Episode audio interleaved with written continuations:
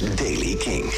De dag begint met buien vanuit het westen. Later worden die buien feller en kan er ook onweer bij komen. Temperatuur nog steeds zacht hoor, 18 graden. Wel kan het ook nog een keer flink gaan waaien. Want in de middag, uh, zeker aan de kust, windstoten tot 80 km per uur. Nieuws over Peter Hook and the Light. Het Wembley Stadium en Slash. Dit is de Daily King van woensdag 20 oktober. Michiel Veenstra. Peter Hook, voormalig Joy Division-lid, gaat met zijn band The Light een grote tour doen. En gisteren is daar de Noord-Amerikaanse tak van aangekondigd.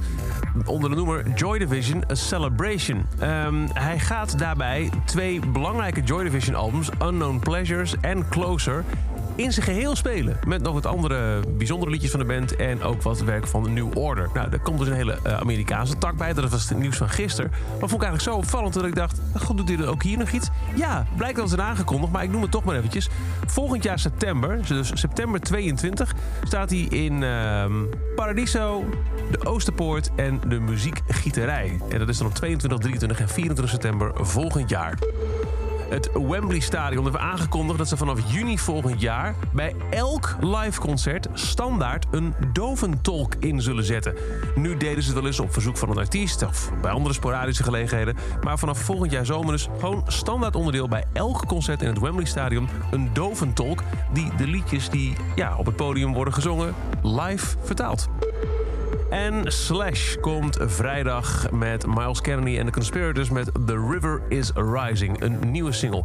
Uh, bijzonder, um, zegt de band zelf, omdat ze het helemaal live hebben opgenomen. En dat is ook te horen in een korte making-of snippet waarin je al wat hoort van dat nieuwe nummer. This was the first time that we actually did all the guitars, bass and drums live at the same time and kept all those tracks.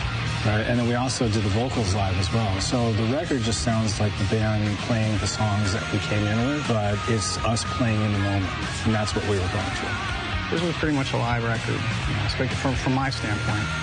You're just trying to kind of document where you are at that point in life and do it in an authentic way Vrijdag komt er dus uit The River is Rising. Nieuwe muziek van Slash met Miles Kennedy en The Conspirators. En dat is over deze editie van The Daily Kink. Elke dag in een paar minuten bij met het laatste muzieknieuws. Niks missen? Abonneer je dan op The Daily Kink in je favoriete podcast app. Of check elke dag de Kink app of kink.nl. En voor meer nieuwe muziek en muzieknieuws kun je ook s'avonds luisteren naar Kink om 7 uur naar Kink in Touch.